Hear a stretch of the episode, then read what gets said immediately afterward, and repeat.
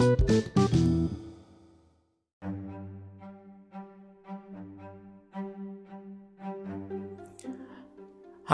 jumpa lagi dengan saya Christian Guswai. Di kesempatan kali ini saya akan mengajak Anda untuk merenungi apakah bisnis bisa dijalankan secara, secara trial and error. Seorang teman di media sosial Facebook secara tiba-tiba mengirimkan pesan. Bertanya-tanya tentang bisnis retail yang hendak dijalankannya. Dari pertanyaan-pertanyaan yang diajukan terasa ada kejanggalan. Di dalamnya terkandung akan ada resiko besar yang harus dia jalani. Setelah memberikan beberapa masukan, dia lalu mengoreksi diri. Apa yang semula disampaikannya kemudian disesuaikan dengan masukan-masukan dari saya. Kemudian saya tanyakan, apakah yang bersangkutan memiliki latar belakang ilmu retail? Setidaknya pernah bekerja atau pernah belajar. Ternyata belum sama sekali. Selaku konsultan dan trainer dari banyak perusahaan retail, saya langsung mengingatkan beliau supaya belajar mendalami bisnis retail. Saya anjurkan beliau membaca buku-buku retail. Di antaranya buku-buku dalam Retail Excellence Series yang saya tulis ada 9 buku retail, bisnis retail yang sudah saya tulis. Saya anjurkan juga mengikuti workshop-workshop publik yang ada. Setelah itu tidak ada tanggapan lagi. Saya tidak paham maknanya, hanya beliau yang tahu. Total karir saya di industri retail adalah 31 tahun. Dalam 16 tahun karir saya sebagai konsultan dan trainer, saya sudah banyak bertemu dengan pebisnis retail yang awalnya enggan untuk belajar. Mengapa? Setelah belasan tahun mengelola bisnis, rata-rata pebisnis yang tidak memiliki semangat belajar terus-menerus merasa sudah paham sekali cara-cara menjalankan bisnisnya. Saya pernah bertemu seorang peritel yang mengalami kesulitan. Bisnis berjalan mengalami performa buruk dari lima tokonya, empat mengalami penurunan omset dibanding tahun-tahun sebelumnya. Itu juga yang ternyata mendorong dia untuk mengikuti public workshop saya untuk pertama kalinya. Waktu itu yang dia ikuti di Bali tahun 2018. Setelah workshop itu kami berbincang-bincang. Kemudian dari workshop yang pertama dia ikuti ini berlanjut ke workshop-workshop selanjutnya.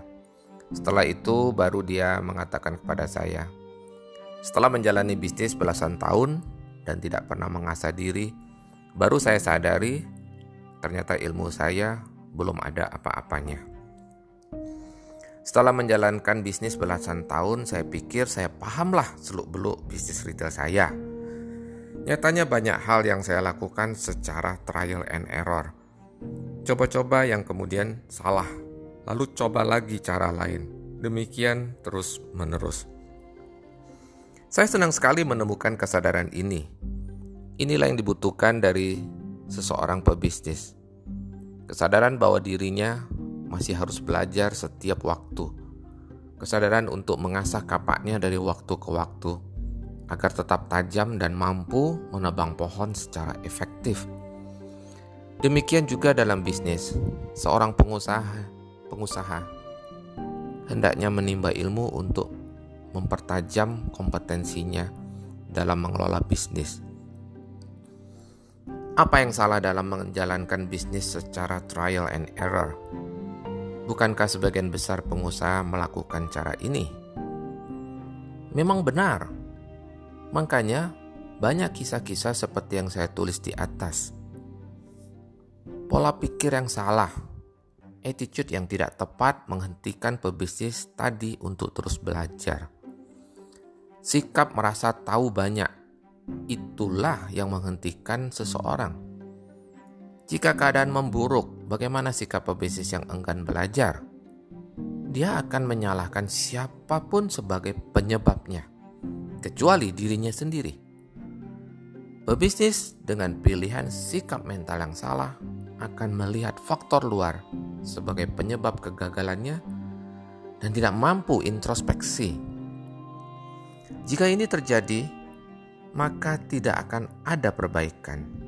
Yang ada hanyalah menyalahkan keadaan dan tidak melakukan apa-apa.